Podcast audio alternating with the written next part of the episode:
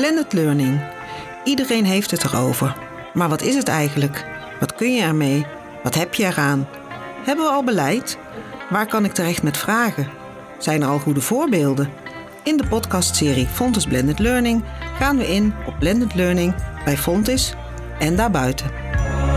Welkom bij de podcast Fontis Blended Learning. Mijn naam is Georges Germain.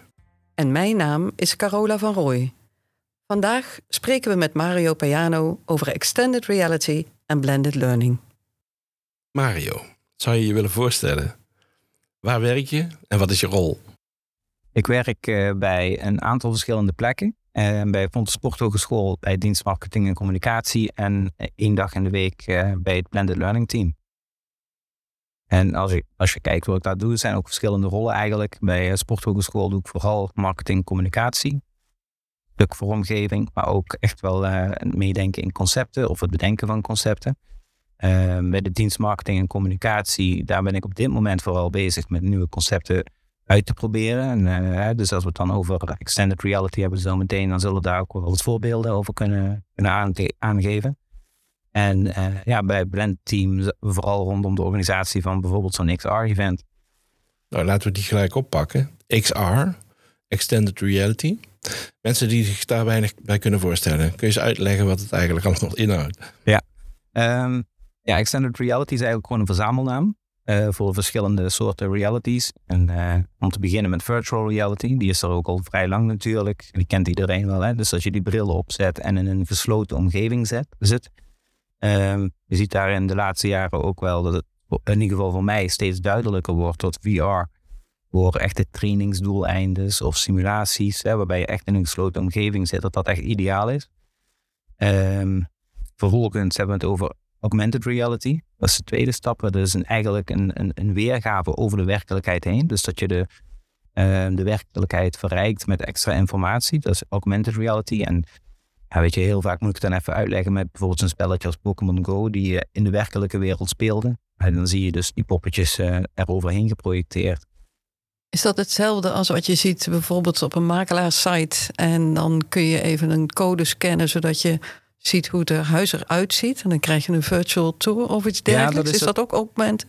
Dat is een soort 3D-weergave uh, van een huis. Mm -hmm. Als je zo'n bril opzet, dan is het virtual reality, want je zit je echt in die beleving. Ja. Wat je wel ziet bijvoorbeeld hier bij Fontis, er is uh, een nieuwbouwproject. En daar kun je gewoon met de telefoon naar het terrein kijken waar het nieuwbouwproject is. En je ziet dan eigenlijk al het gebouw zoals het uh, ja, over een aantal jaar daar moet staan. En dat is augmented reality. Dus dan kijk je in de werkelijkheid met extra informatie. En, uh, en de laatste is mixed reality of, merged reality. En dat zijn een aantal van die technieken die dan samen, samenkomen. En dat, die drie technieken samen, dat noemen ze de extended reality. Nou was er pas uh, dat event. Uh, wat was de aanleiding? Wie was daarbij betrokken? Waarom? Nou, um, een aantal jaar geleden, ik denk ongeveer twee jaar geleden, in november, toen uh, kwam zowel Microsoft als Meta, die kwamen met nieuws dat ze flink gingen investeren in, die, uh, in, de, in de metaverse. En uh, op dat moment was dat voor mij een nieuwe term, maar ik wilde me wel gaan verdiepen daarin. Zeker omdat het ook in MS Teams gesupport zou gaan worden. En we kwamen toen net uit de coronatijd en eigenlijk ook net uit het online vergaderen en ik dacht toen wel meteen van oké, als we op deze manier door moeten, dan, dan liggen hier wel een aantal kansen. En uh, ja, toen heb ik inderdaad met Ron Wachtens en met Virtual Nagel uh, we aan de slag gegaan om uh, via een EdTech aanvraag dus te gaan experimenteren van wat, wat behelst dit nu allemaal. Educational technology. Ja, ja. En, ja, en daar, die, die goedkeuring hebben we gekregen. Dus we zijn met een beperkt budget zijn we ook gewoon gaan experimenteren en gaan, gaan, gaan proeven. En vooral verbindingen maken ben ik mee aan de slag gegaan. Daarin eh, kwam ik heel snel erachter dat er binnen Fontes best wel wat ervaring was. En dat had ik ook niet anders gedacht. Maar het is wel heel moeilijk om die mensen boven water te krijgen van waar is nou precies wie mee bezig. Of uh, waar mee bezig. En ehm, tegelijkertijd ook merkte ik of kreeg ik terug van die mensen dat ze eigenlijk allemaal met dezelfde problemen uh, liepen. En het ook niet van elkaar wisten waar ze mee bezig waren. Er waren voor mij wel een aantal dingen waarvan ik dacht dat het ontzettend jammer was. En dat was ook eigenlijk wel uh, de conclusie van dat eerste Educational Technology project was, ehm, ja, als we dit binnen Fontis zouden willen ehm, ja, versnellen, dan, dan zou je wel die verbindingen moeten gaan maken. En ook omdat ik echt geloof dat vanuit studenten en vanuit lectoren en docenten, uh, dat er echt heel veel kansen liggen. Maar dat op dit moment gewoon, ze moeten allemaal vanaf nul beginnen. En iedere keer zelf dat wiel gaan uitvinden en gaan zoeken waar ze dan terecht kunnen. Welke hardware, welke software, welke, welke concepten ze kunnen toepassen. En dat is eigenlijk ontzettend jammer, omdat je al zoveel ervaring binnen fondsen hebt. Kun je een uh, korte weergave geven van het evenement van uh, de laatste keer? Van, voor de luisteraars die er niet bij waren, ook niet over waren geïnformeerd of geïnformeerd geraakt. Wat hebben ze gemist? Ja, um, het was een, een, hele dag. Dus we zijn echt uh, ja, een mooi dagprogramma hebben we gemaakt. We hebben daarbij um, echt gekozen om verhalen binnen Fontes op te zoeken. Dus uh, wat je vaak ziet bij dit soort uh, dagen, is dat er heel veel commerciële partijen worden ingela of, uitgenodigd om iets te laten zien. Maar wat ik vooral wilde die dag was dat er een verbinding ontstond tussen de mensen die er al mee bezig waren, maar ook mensen binnen Fontes die binnenkwamen, die dan ook meteen Fontes-collega's konden aanspreken of konden, kijken van wat de mogelijkheden waren en op die manier verbindingen maken. Dus uh, het netwerken en het verbinden, dat stond voor mij centraal. En uh, we hadden een, uh, bij Sporthogeschool hebben we een aantal zalen gereserveerd. En in de grootste zaal, daar stonden zo'n 25 collega's, en dat zijn of, of studenten zelfs, met een VR of een AR-project te presenteren. En ehm, daarnaast ja, presenteren is een groot woord. Dus er was vooral allemaal kleine tafels waar je dan gewoon even bij kon aanschuiven en het gesprek kon aangaan en even een project kon uitproberen of uh, kon, kon bevragen wat er, wat er allemaal was. Um, ja, daarnaast hadden we een achttal uh, workshops of, of inspiratiesessies, waar, waar je gewoon echt al een verhaal van een docent kon, kon beluisteren over wat ze al gedaan hadden met, met die technieken. Um, en een aantal keynotes. Ja, had ik begrepen dat uh, die markt, waar je het over had met die tafels waar je kon aanschuiven, uh, ja, dat dat verrassend veel mensen waren die uh, zoiets konden bieden om, om daar te presenteren. Um, ik vond in ieder geval 25 een behoorlijk aantal voor Fontes in dit stadium. Ja, ja het was ook toen wij begonnen met, met de XR-dag te, ehm, te ontwikkelen eigenlijk. Toen hadden we wel zoiets van, oké, hoe gaan we dat allemaal vullen? Want het gevoel, mijn onderbuikgevoel zei wel van, er is echt heel veel gaande. Maar ja, dan moet je natuurlijk ook hard zien te maken. En ja, toen we, dat was echt binnen twee, drie weken, begon het toch wel echt wel vol te stromen. Dat, dat, het, dat we echt mooie projecten boven water haalden. En ja. Zijn, ehm, we hebben het nu over XR in de podcast Fonds Blended Learning. Uh, verschillende definities voor uh, blended learning. Wij hanteren vaak een eenvoudige definitie waarbij we zeggen het moet gaan om online en face-to-face activiteiten, leeractiviteiten die elkaar versterken. Je hebt natuurlijk ook de insteek van de technology enhanced learning, oftewel het leren verbeteren, versterken, intensiveren met het gebruik van uh, tools, ICT, techniek, technology. Um, hoe kan XR wat jou betreft uh, een bijdrage leveren aan blended learning? Ja, um, XR is natuurlijk niet die hele mooie mix van blended learning. Dus ik, uh, ik zie wel een aantal aspecten daarin terug. Als je een tijdje terugkeek toen, toen na die coronacrisis, wat ik zei, toen was bijvoorbeeld dat kaderen was heel erg hot. En ehm, ja, er kwamen ook al heel veel mogelijkheden dat je echt in VR met elkaar kon, kon vergaderen. Um, alleen ja, die techniek die gaat ook super snel. Want op dit moment is het al mogelijk, of bijna mogelijk, om in AR met elkaar te kaderen. En dat betekent gewoon dus dat je geen beeldscherm meer tussen je in hebt zitten of een gesloten bril. Maar dat je op dit moment nog door je telefoon, maar zometeen door een, door een open bril, ja, iemand tegenover je kunt zien zitten. Die er werkelijk eigenlijk niet is. Hè. Dus het krijgt dan uh, een, een behoorlijk Star Wars of Star Trek gehalte. Maar dat, dat is wel waar we naartoe aan bewegen zijn. En dus vanuit die vergaderkant is dat, is dat een ding. En dat kan natuurlijk ook voor lesgeven gebruikt worden op die manier.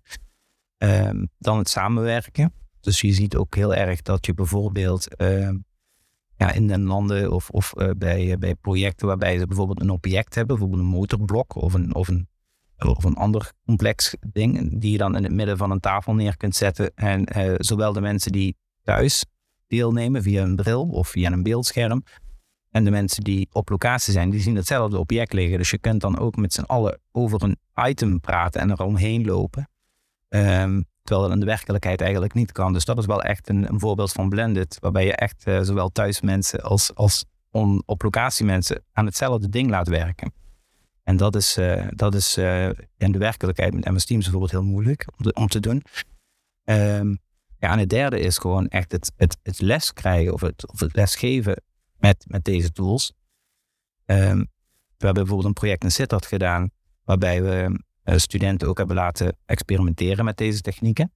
Um, en toen zei de docent wat, wat dat project begeleidde, die, die zei helemaal in het begin van, ja, vroeger zei die, um, zou het mooi zijn, of zei men, als je het over een koe les zou geven, dan zou het het mooiste zijn als je die koe in de klas kunt zetten.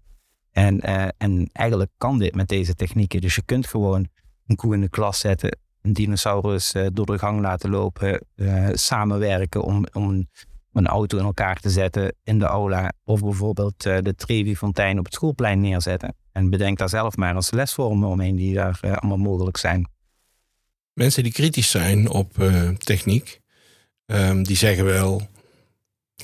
Ja, ben je nu niet een oplossing aan het bedenken voor een probleem wat er niet is?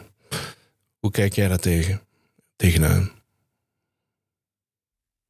Ik denk dat je juist, als we het dan over de, het laatste voorbeeld hebben, die Trevi-fontein die je op het schoolplein neerzet.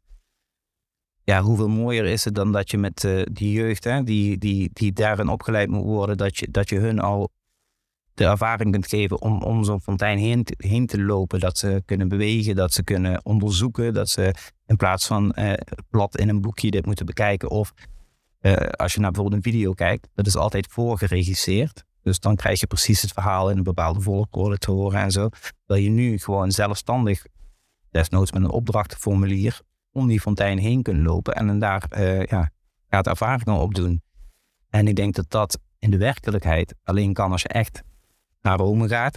Hè, echt naar die fontein gaat om, om dat te ervaren. Um, ja, en dat, dat, dus dit soort kansen biedt je, biedt je de studenten of de leerlingen om het, om het nu op deze manier te doen. En ja, ik zie dat niet. Wat, wat jij net stelde, ik zie dat niet zo. Duidelijk. Ik word door jouw verhaal zelfs getriggerd dat ik denk, zou de ervaring niet nog sterker kunnen zijn via VR of XR in plaats van naar Rome te gaan?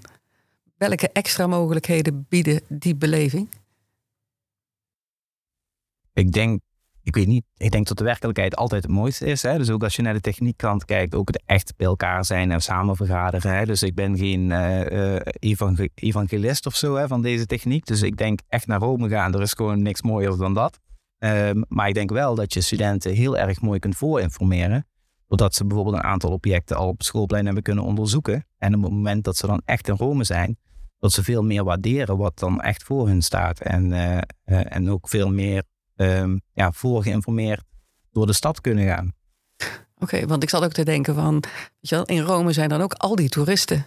En al die rotzooi misschien in die fontein en al het gedrag wat erbij komt. Ja. Dus vandaar dat ik dacht aan van, goh, welke extra mogelijkheden biedt het als je dat allemaal weg kunt laten, omdat je je eigen werkelijkheid gaat creëren. En daarmee misschien een rijkere uh, leerervaring neer kunt zetten. Ja, ja ik denk dat die, dat die virtuele wereld natuurlijk ja, nooit 100% de werkelijkheid kan nabootsen. En uh, um, uh, we hebben bijvoorbeeld een tijd geleden ook een, videogame uh, gespeeld met, met geschiedenisstudenten, waarbij ze een, een Griekse polis ja, doorheen speelden. En daarin was dus niet de opdracht van kijk eens hoe echt het is, maar bijvoorbeeld een van de zijopdrachten was van maak een vlog over deze game en laat ook zien wat, wat niet klopt in, in de game. En ga dus onderzoeken wat, waar, de, ja, waar de de feiten en de niet-feiten liggen. Dat was gewoon ook op zich een hele mooie opdracht. Dus het is wel. Um, um, ja, ik denk op het moment dat je geen toeristen hebt of dat je terug in de tijd gaat en inderdaad een scène gaat nabouwen zoals het ooit in het verleden is geweest, en dat dat natuurlijk uh, altijd ja, niet authentiek is. Dus, uh, en, en de echte wereld natuurlijk wel. Dus dat. Even een andere kwestie als je het goed vindt. Um, bij het XR-event uh, viel dat ook een aantal keren. Namelijk high-tech en low-tech. Eh, en ook de hoge of de lage investering die nodig is om eh, dit toe te passen. Hè, als er nu een eh, docent bijvoorbeeld is die dit beluistert en die denkt van interessant, daar wil ik wel mee aan de slag. Dan kan natuurlijk de indruk bestaan dat daar heel veel expertise, apparatuur, zeg geld voor nodig is. Ehm, en ik weet ook dat er laagdrempelige oplossingen zijn. Um, kun je daar iets over vertellen, hoe jij daar tegenaan kijkt? Ja, um, ja er zijn dus inderdaad verschillende, verschillende opzetjes. Um, als je bijvoorbeeld kijkt naar pleegkunde, die hebben al een aantal dingen laten maken. En dan als je, of als je bijvoorbeeld kijkt naar uh, sportkunde, daar hebben we bijvoorbeeld ook een analyse laten maken van een, van een, van een beweging. Nou, daar hebben we bijvoorbeeld een partner voor nodig gehad. En die partner die doet bijvoorbeeld de, de, motion capture. Dus bijvoorbeeld bewegingen omzetten naar 3D-data. Dat was echt met het doel om een VR, een virtual reality applicatie te maken waarin studenten uh, kunnen gaan uh, ervaren. Dat zijn allemaal dingen waarbij je partners nodig hebt of waarbij je uh, kosten gaat maken. Ehm, je ziet wel door de, bijvoorbeeld de komst van de AI's en dat content maken ook steeds gemakkelijker wordt. Daar waar je vroeger bijvoorbeeld een 3D-model weken aan het sleutelen was uh, met, met 3D-software of je inderdaad een commerciële partner nodig had om dat te maken, uh, kun je tegenwoordig al gewoon met je telefoon om een object heen lopen en krijg je dat 3D-object. En ja, zit je dan in een 3D-omgeving of in een virtuele omgeving, dan kun je dat object zo in die, in die omgeving plaatsen. Dus je ziet dat het maken van content steeds makkelijker wordt en daardoor ook toegankelijker. Um, maar het mooiste zijn natuurlijk de oplossingen waar, waarbij studenten of docenten gewoon lekker zelf aan de slag kunnen, waarbij ze niet die expert nodig hebben. En dat ze gewoon eh, kunnen gaan nadenken van ik heb een bepaalde uh, verhaal te vertellen. Of ik wil een bepaald effect hebben door middel van mijn les. En ik wil graag in plaats van bijvoorbeeld een PowerPoint of in plaats van een video, wil ik gewoon een, eh, een AR toepassing inzetten.